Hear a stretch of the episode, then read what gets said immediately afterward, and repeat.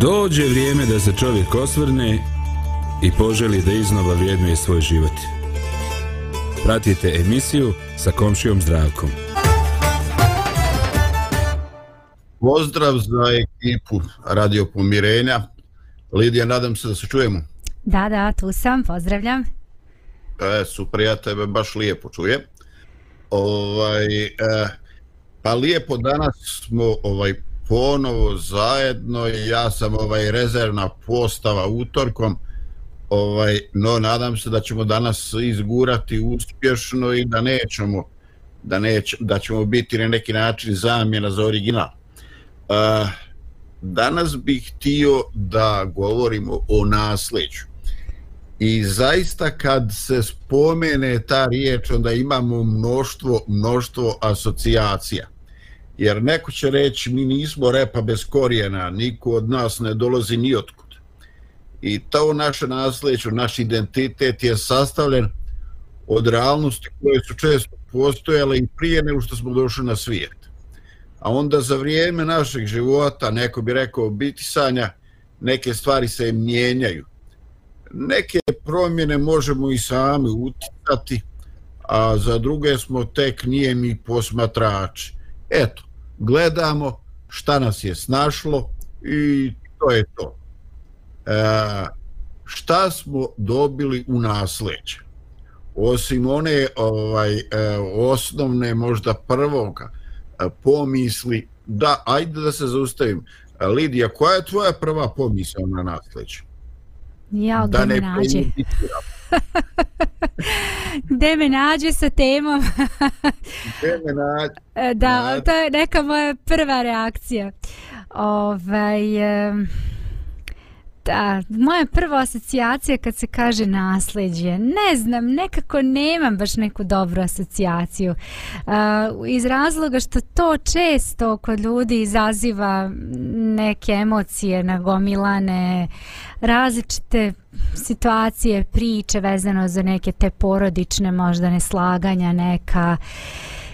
I tako, znači mi imamo osjećaj, to je možda moj utisak, to je apsolutno baš moje, to moje lično razmišljanje, ne, ne mora biti, to nije ovaj pravilo, ali ja nekako smatram da često to onako baš ostavlja neki gorak ukus u većini ljudi. Jer uvek misliš na dobitku, si u stvari si na gobitku. Jer nije to naš ono, nasljeđe, znaš. Govorimo sada o toj nekoj finansijskoj, imovinskoj dobiti. Ali nevjerovatno ćemo se dotaći nekih drugih stvari a, koje su možda čak i bitnije. Ali, ali kad govorimo o toj za, baš imovinskoj nekom nasleđivanju i to često ostavlja nekako gorak ukus u ustima, iskreno. Mm, I znači, niko nije na dobitku, čini mi se. Sindrom balkanskih međa. Pa složila bih se, da. Da.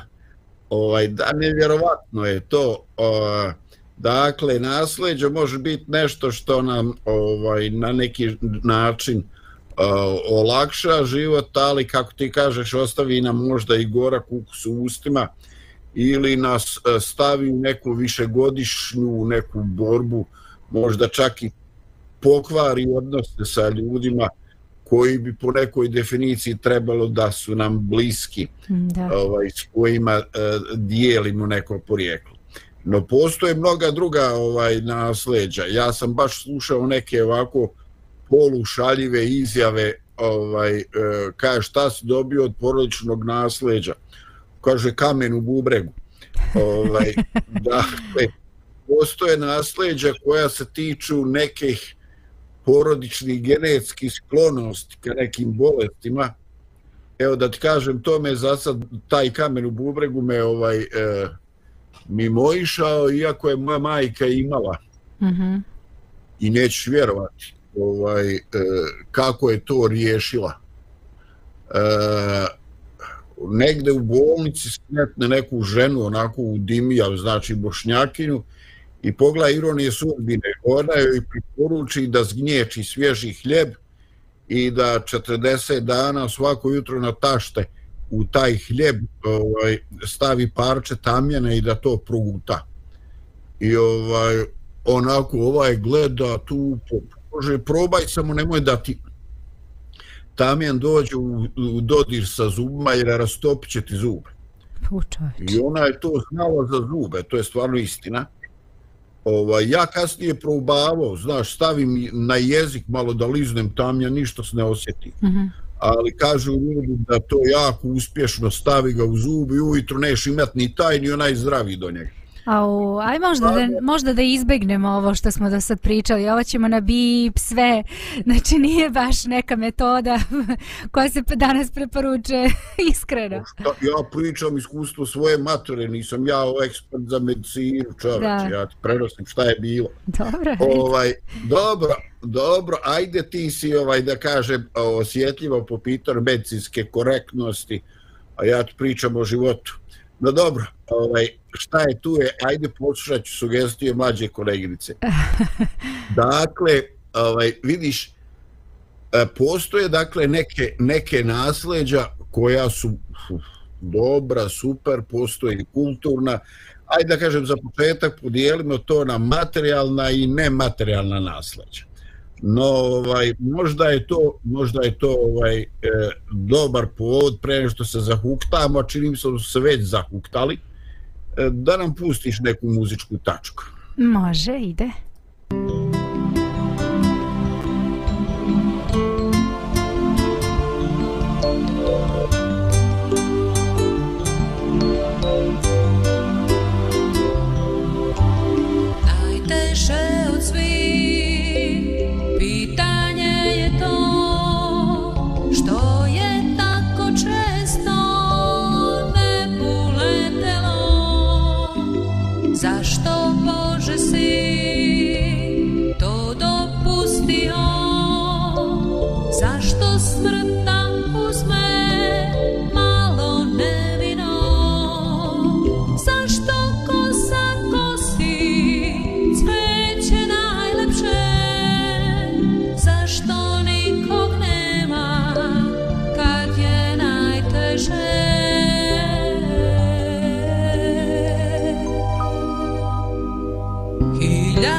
что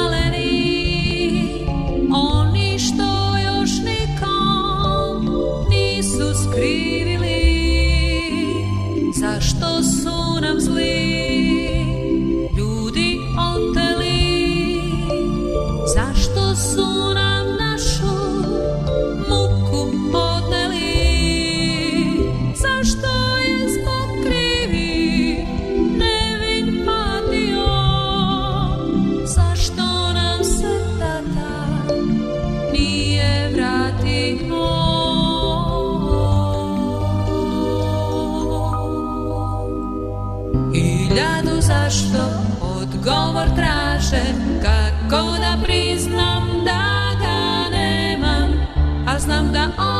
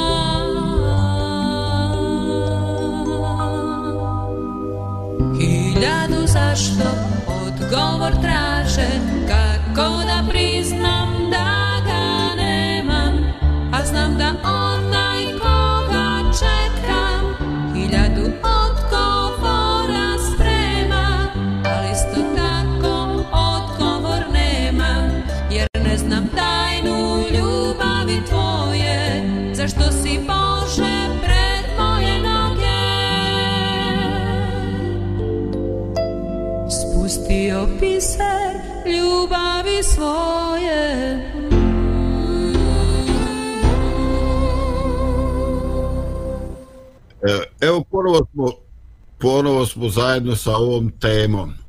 E, neko je rekao da neke životne situacije be, e, nepogrešivo detektuju određena stane. Pa smo tako čuli jednu izjavu. E, bolest žene e, na pravi način pokazuje ljubav muškarca. Siromaštvo muža na pravi način pokazuje ljubav žene. A rodbinske veze pokazuje kvalitet rodbinskih veza, pokazuje ostavinska raspa. Eto tako, svi se nešto nadaju, svi bi nešto željeli, a ukupni zbir ovaj djeljive mase je manji nego što su apetiti. I onda se tako ovaj bore oko toga, a onda postoje profesionalci koji tu ubiru ovaj, značajna sredstva i onda se stvori inat, i ponekad, ponekad na ovim balkanskim prostorima idemo tako žestoko i daleko da onda borba ko će biti u pravo prevaziđe vrijednost onoga zašto smo se borili.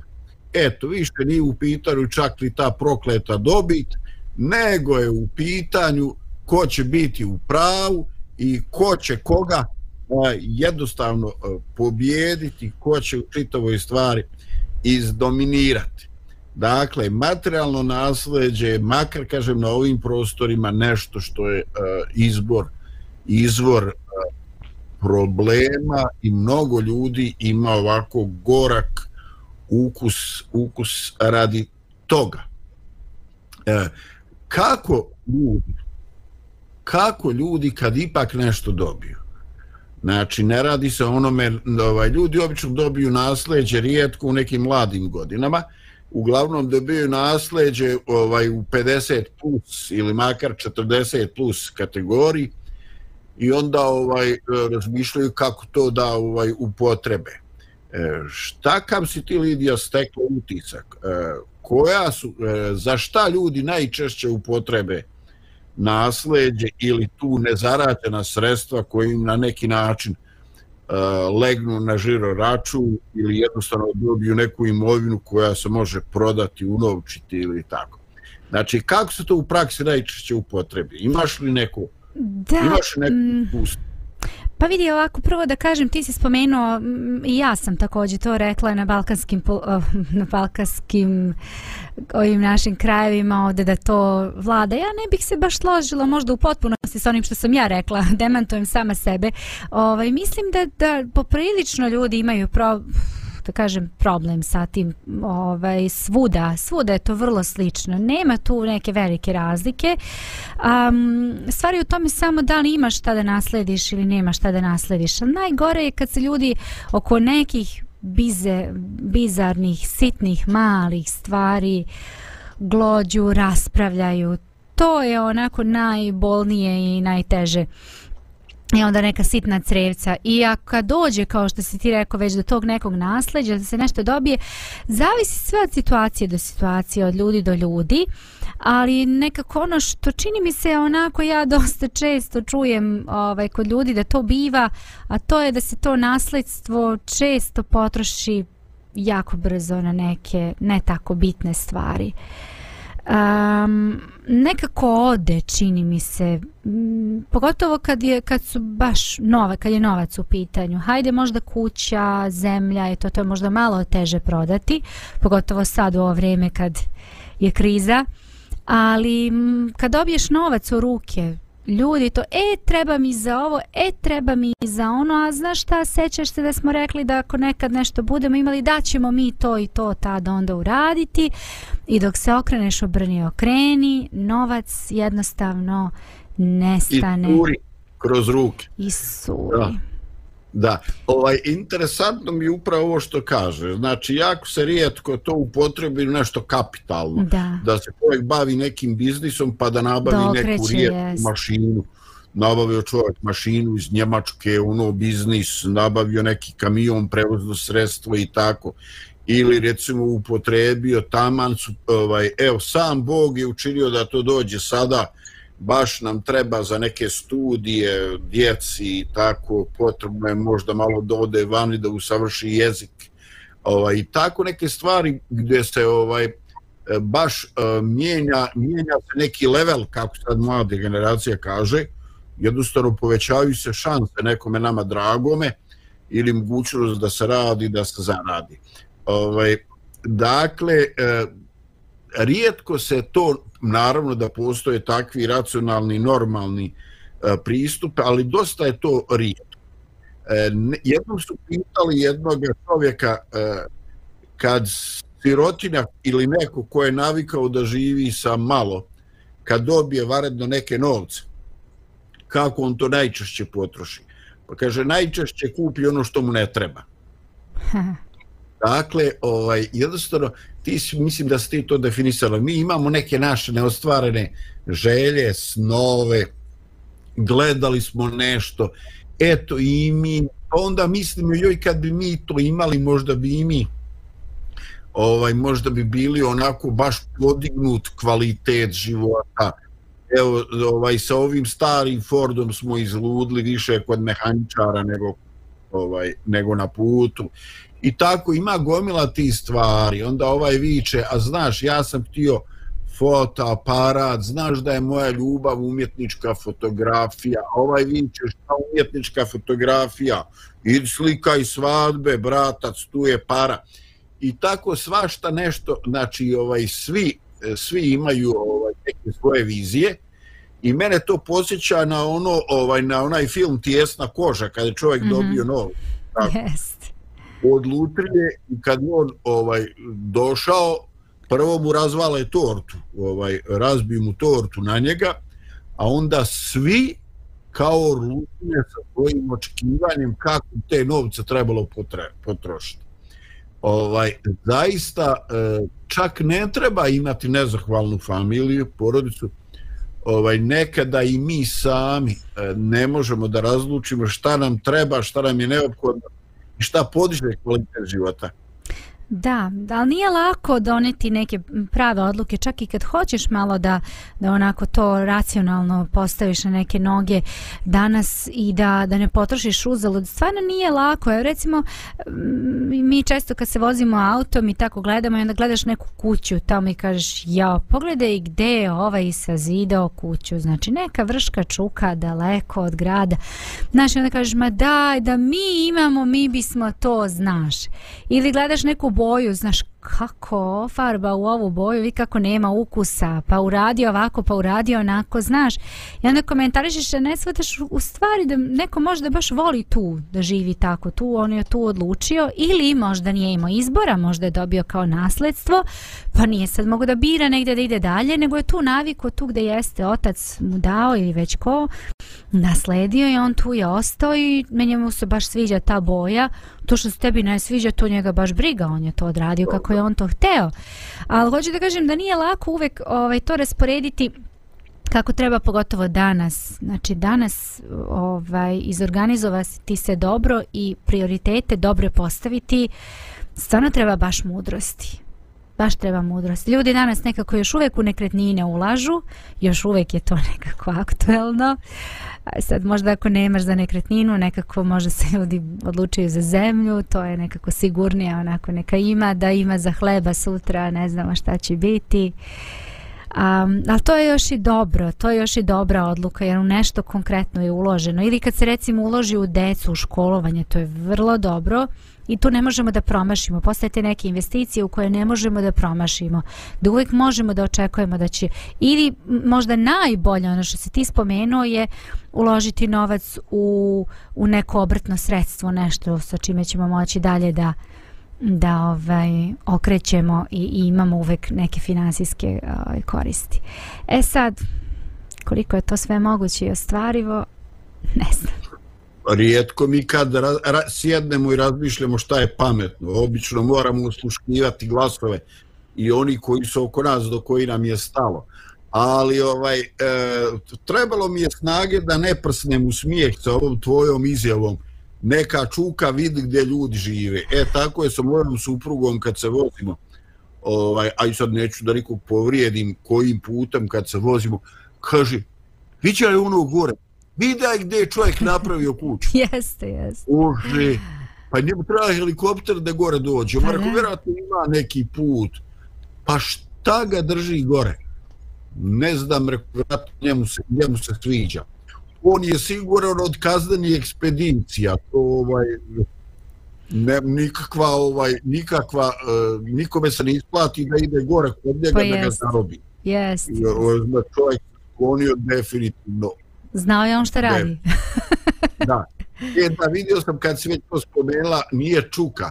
Vidio sam na jezeru Bočac, ovaj, e, znači preko puta jezera, očito se vidi da nema nikakav pristup. Znači ispod nekog stijena napravljena kućaš, ne znam, vikendica za odbor, za ribolov i moguće je prići samo čamcu. Pore, kakav je ovo, kakvo je ovo mjesto. Znači, moraš baš biti čovjek koji voli samoću ili da. ovaj, nešto te baš mora motivisati za to. Ali nije to loše, o, znaš. I ta, da, opro, oprosti, znači ta vrška čuka što spominjemo negdje tamo, visoko, daleko. A ti kad se popneš gore, znaš kakav ti pogled vidiš? To je znači da, da, nevjerovatno. Moja vizija svijeta se e, mijenja. A možda je on hteo to baš. On je možda baš tako nešto planirao. Znaš da ima taj pogled od ozgo, a mi dole iz tiče perspektive nama smiješno to, znaš. Nećemo saznat tako nas ne pozove u gosta. Jeste, jeste. Da. Ok, vidi, postoje, postoje i oni drugi. Slušao sam o ljudima koji jednostavno ovaj kažu ono što nisi zaradio, to treba ne treba da se opterećuješ. Sve što dobiješ u igrama na sreću, onda to poistovijete i sa nasledstvom. To ne treba to čuvati, razumiješ? To kako došlo, tako otišlo, to odma treba potrošiti na neki užitak. Jer sad ne potuže ljudi na užitak.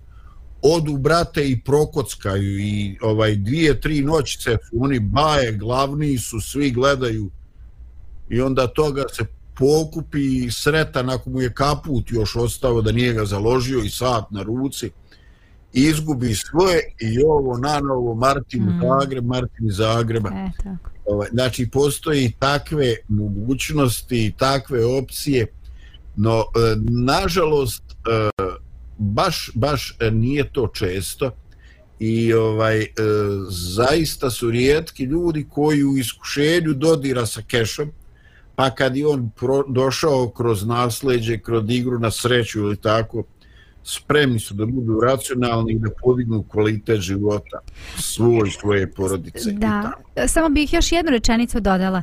Tuđe, tuđi noci, tuđe nasledstvo, nešto što je drugi zaradio, se tako lako troši. Tako lako. A ti kad I... znaš kako si krvavo zaradio, e, onda ti e... kažeš svoje deci, nemojte ovo, čuvajte, to je naše porodično, znaš. Međutim, koliko se to baš tako ostvari kad stari da, pomru. Lidija, to je ona priča, kaže, idem da kupim kuću od čovjeka, pa je on pravi ili čača mu? kaže čač, onda nije problem. Ako je e, pravi on, ne, ti to ne, tako lako. Neće tako lako se dobiti. Da, je ustajao prije zore, lijegao, slagao daske, vadio eksere, taj zna vrijedno svega. Tačno. Ako su čače ili džed pravili, kupćeš ti to pogodno. Ma. Eto, tako je to s nama ljudima. No, predlažem opet malu pauzu. Može. Može.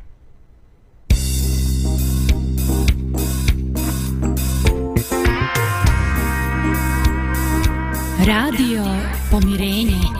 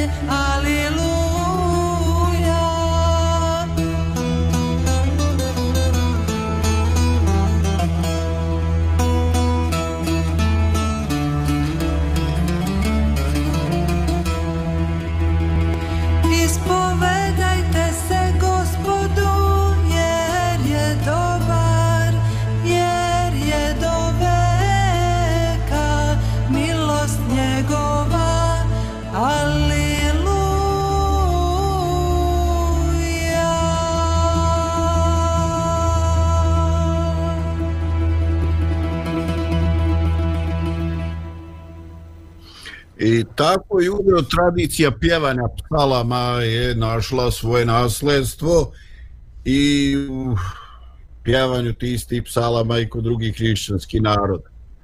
Ovaj, a, dobro, Lidija, dakle, postoje nasledstvo koje nije uvijek samo materijalno, postoje i nematerijalna nasleđa i postoji nešto što je a, dobar ili loši dio svega, svega toga.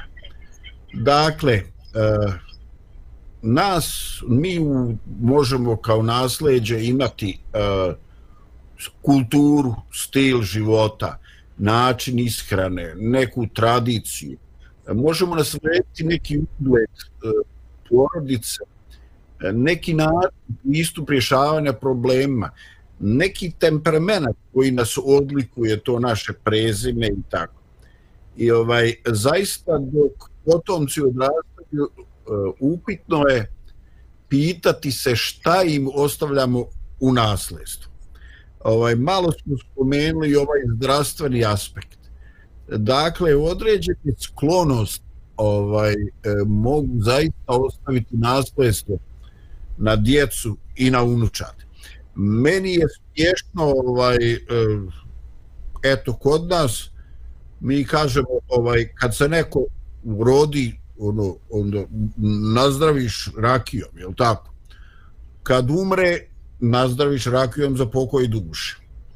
Kad ovaj se udariš nešto, stavi oblog od rakije. Kad te boli zub, eh, promućaj malo sa rakijom. Ovaj, kad te ujede osa i tako nešto, ono, o, o namaš malo rakijom da utrne.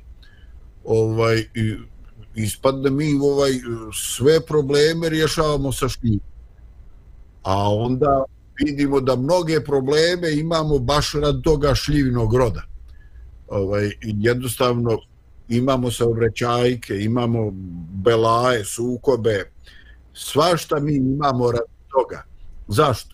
Pa zato što je to naš nasleđe. Mi smo to ovako učimo od malih nogu. To smo ostavili kao na materijalno nasleđe. E, dakle, e, i kod nematerijalnog nasleđa, mi imamo iskušenje. E, šta bi ti voljela da od tog nekog nematerijalnog nasljeđa e, ostaviš i da tvoja djeca u, ovaj, usvoje od tebe, od supruga?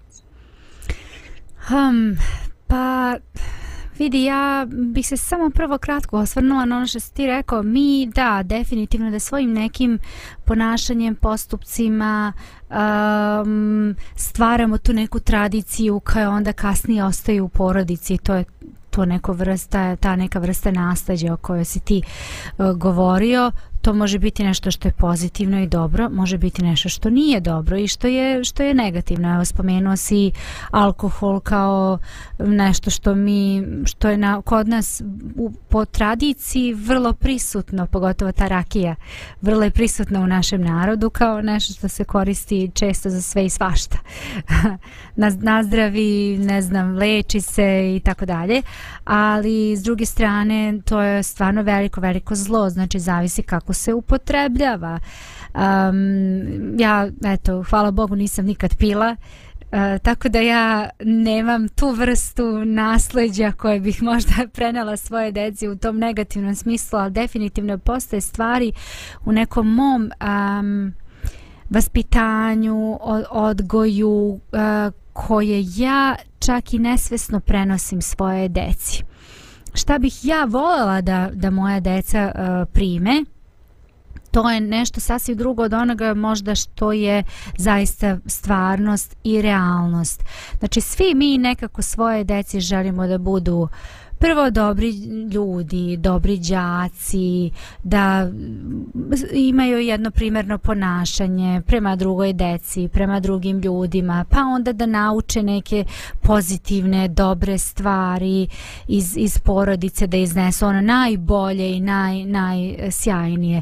I ako me pitak šta bih voljela za svoju decu, pa ja bih prvenstveno voljela da budu dobri ljudi i da se oslanjaju na Boga kao na nekoga ko će im biti vodič i ko će ih savjetovati kasnije u životu. Sve ostalo se nekako kasnije posloži i to je možda i najbitnije nasledđe, znači to, to oslanjanje na Boga u smislu predanja Bogu svakodnevno, a, to je možda naj, jedno od najbitnijih nasledđa koje bih voljela da ostavim svoje deci. Ali definitivno da kroz svoje ponašanje moja deca nasleđuju gledajući i neke stvari koje ja ne bih voljela da oni vide i, i naslede.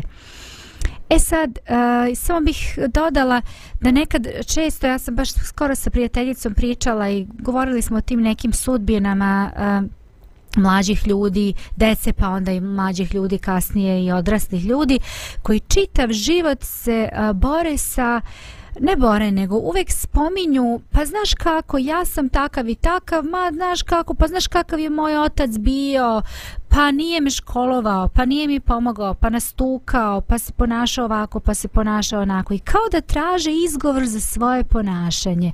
To je nasljeđe koje oni jesu dobili u, u, od, od, u svoje porodici koja nije baš tako dobro i pozitivno, ali ja odlučujem za sebe, za svoj život. Ja donosim odluke za sebe. Ja sam odgovorna za svoje ponašanje.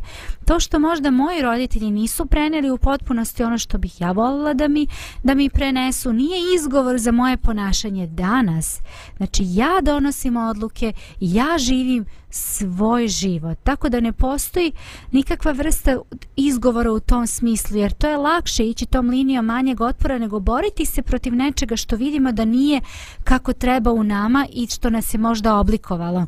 I e, imam jednu prijateljicu koja se, evo reći ću stvarno, znači ja eto da ne govorim za sebe, ali eto reći u njeno ime, neće spominjati naravno ime e, konkretno, ali ja nju pratim evo već 15 godina Za 15 godina ona je toliko promenila svoje mišljenje i stav o nekim životnim okolnostima koje su okruživale, okružavale i sa, sa kojima je morala da živi, ali se ona toliko promenila, ona toliko radi na sebi. Ona kaže, ja vidim, kaže, ja osjećam posljedice toga, ali kaže, ja, ja u nekim stvarima ima poboljšanja, ali vidim i svesna sam onoga što nije dobro i radim na tome. Znači, svesnost da možemo i da trebamo da, da, ovaj, da radimo na sebi je jako bitna. Znači, to nasljeđe može biti dobro, ne mora biti dobro, ali mi donosimo odluke za sebe i za svoj život. Da, ne mora biti krajnja naša sudbina ili neka de, ovaj, de facto situacija, ne mora biti nešto s čim moramo umrijeti. Tako je. E, ovaj, da, definitivno, e, čovjek je pozvan da suoči, da prepozna šta je u svemu onome što, što ga okružuje ovaj dobro i loše i gdje bi trebalo gdje bi trebalo poraditi kad e, spominjemo e, ta nasljeđa koja možda i nisu dobra mi neki put ovaj e, zaista možemo staviti ogroman balast na leđa u um ovaj naših oni koji dolaze posle nas E, ovaj dio Hercegovine, Crne Gore, ovaj Kosova e, je u prošlosti trpio ovaj e, teror od jednog narodnog e, običaja e, koji se e, uglavnom odnosi se radi se o osveti. Dakle, jednostavno desi neka nesreća, ubitko, namjerno ili nenamjerno, i onda ovaj eh, često se dešavalo da ženska osoba, majka ili neka, ostavlja eh, zavjet da se da se ovaj osvete. I onda to nema kraja. Mhm. Mm ovaj onda to Treba nema kraja i ovaj znači nevine osobe, osobe koje po definiciji E, generacije koje dolaze koje jednim drugima nikada uči, nisu učinile ništa ovaj loše one ovaj odrastaju i u startu dobijaju nalog ko neprijatelji od koga mogu očekivati. I to je nešto što je strašno. Dakle razvojem onoga što se zove državno pravni sistem. E, te stvari su ovaj, pretpostavljam svedene na minimum. Moramo razmišljati da ponekad možemo ostaviti nasleđe koje je tragično, da jednostavno čuvamo se da ne opterećujemo živote oni koji dolaze sa nečim što smo mi trebali riješiti. Oprost. Ovaj, e, a, evo možda e, da se i radi ovih problema u tonu malo ovaj, na ponovo idemo na muzičku pauzu. Može, idemo. Radio, radio pomirenje.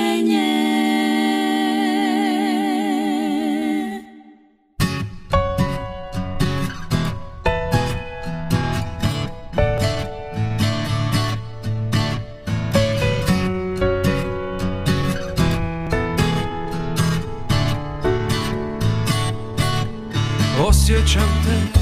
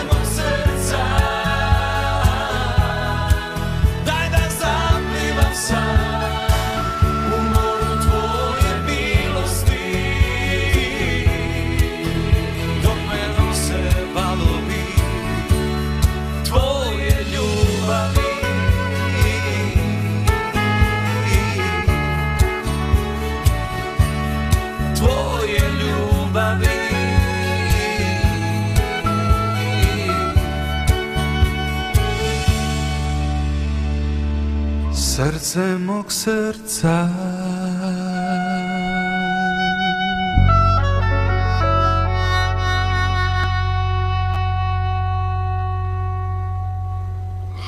E, pozdrav, nadam, nadam se da će ovaj put mikrofonija biti manje. Tu sam. Lidije, smo tu, čujemo. Tu sam, tu sam. Pozdrav. Pozdrav dalje Ovaj. u nastavku. Evo, pokušao sam, pokušao sam da stavim slušalice. Ovaj, eh, nadam se da će biti bolje. Ovaj, dakle, postoji eh, tradicije eh, grupa koje su bliske i grupe koje su zbog nečega, zbog nekih istorijskih dešavanja eh, suprostavljene i ne doživljavaju druge kao bliske. No jedno je sigurno, za mudroga čovjeka e, svaka tradicija je nešto iz čega se može obogatiti, šta se može ovaj nau, naučiti. Ovaj i koliko god čovjek bio učen eh, da u drugome vidi protivnika. Eh, kad pošteno razmišlja, on će uvijek vidjeti da svaki kolektivitet ima nešto što je dobro, što je nadahnjujuće i što bi trebalo ugraditi tamo odakle čovjek crpi svoj svoj identitet. Dakle, mudri ljudi uvijek uče od onih drugih. Eto, ovi naši balkanski prostori su mjesto na kojem su se srele religije, civilizacije. Ovaj, I posebno, eto, mene, ovaj, e, mene ponekad raduje kad čujem kako ovaj ovdje postoji takva raskošna gastronomska ovaj e, ponuda. Eto, ovaj e, idete e, u ovo nasleđe orijenta, pa imate razne urmašice, pa imate razne kolače, pa tako. Onda idete malo tamo prema istoku, pa dobijete tako neke egzotične stvari, kao pegla na kobasice. Molim, pa kaže, pegla na kobasice. Ajde, molim te, nisi znao da se i kobasica može peglati. I onda se, ovaj, svi se nasmijemo, ali zavisi od svojih pretenzija, ljudi jednostavno ovaj, e, u mogućnosti su da kušaju, da prilagode recept nekom svome ukusu i tako. Tako je i u odnosima. E, postoje kulture u kojima se mnogo više drže i do porodice. E, kulture u kojima se rodbina oslanja jedne na druge. I zaista u kriznim situacijama to je nešto što je to je nešto što pokazuje svoju ovaj, vrijednost.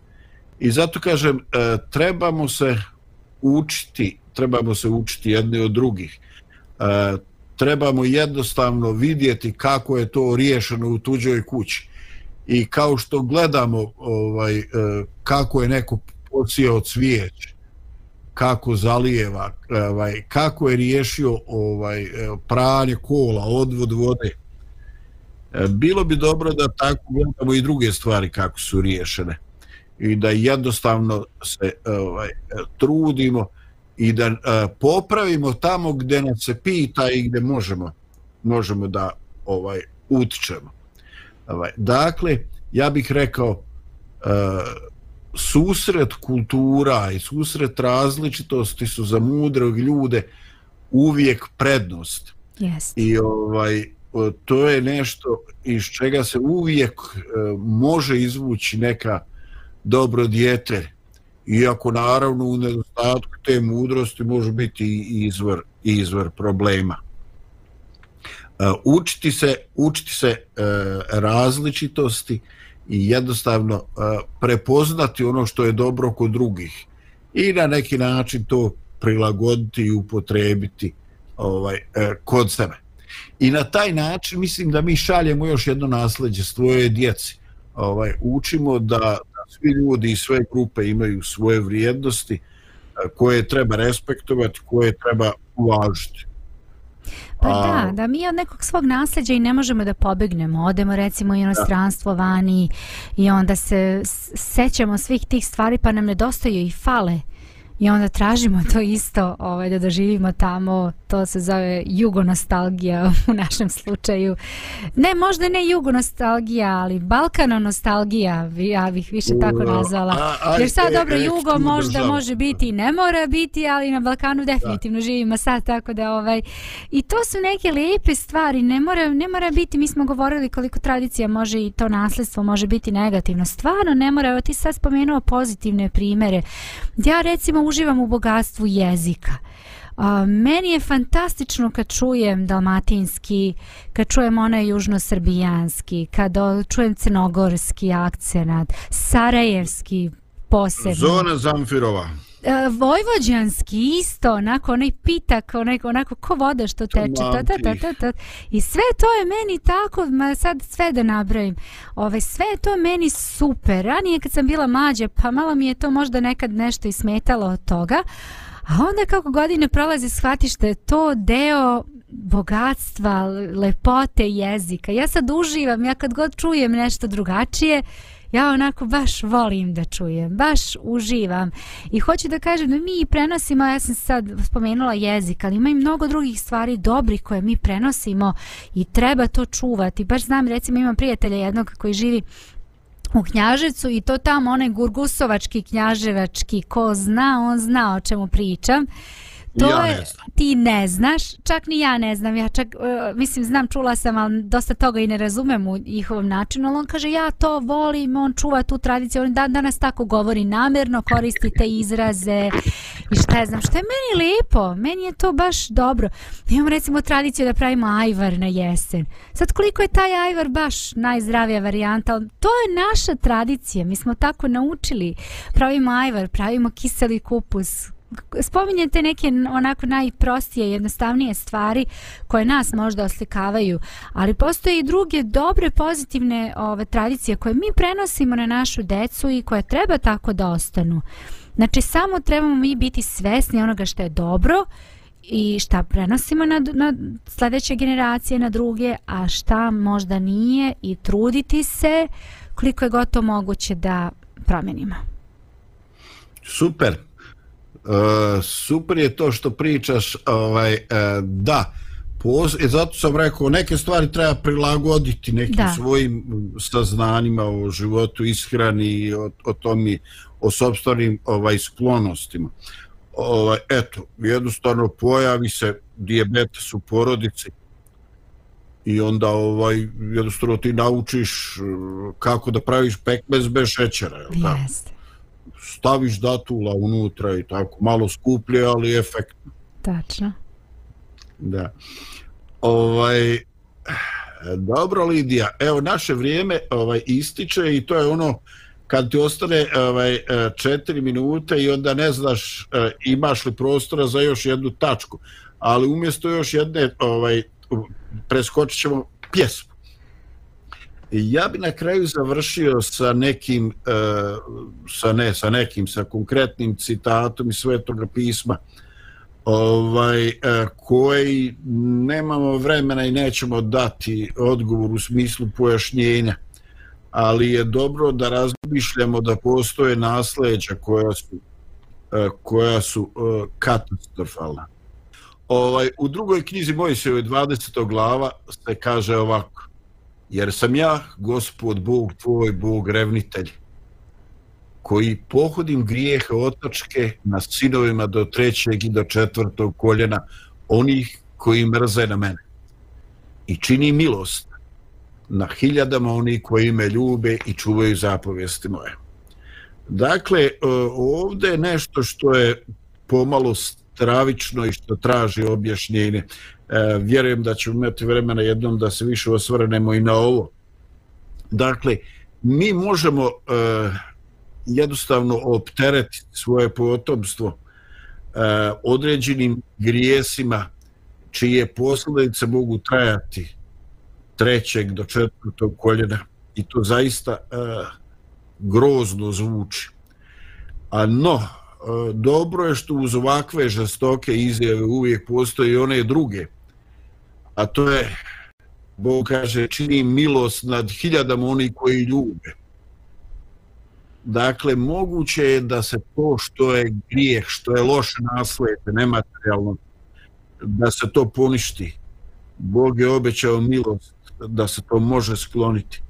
Da se u ljubavlju prema Bogu i prema čovjeku može odgurnuti osveta, mržnja, e, zlo koje razara prvo one koji ga gaje i kojima je on sastavni dio života. I zaista, e, ja bi e, pozvao vas sad na kraju emisije da razmišljamo e, ne znam koliko ćemo pojedinačno u ovom kriznom vremenu ostaviti materijalnih sredstava svoje djece. Ali ostavimo im jedno životno iskustvo neopterećeno zlom i mržnjom koja će trovati ne samo djecu, nego unučad i pravnučadi. E, neka budu svjesni realnosti života, neka budu svjesni potencijalnih opasnosti ali nemojmo ih opteretiti mržnjom koja i ne dozvoliti da budu radosni, da pjevaju, da uživaju i da grle ljude. Eto, ja vam to želim, možda ste imali vi porodica neko iskustvo koje ovo čini jako teškim i zahtjevnim, ali to ne znači da ne trebamo to željeti jedni drugima. E, pozdrav s radio pomirenja, i slušamo se i sutra. Pozdrav.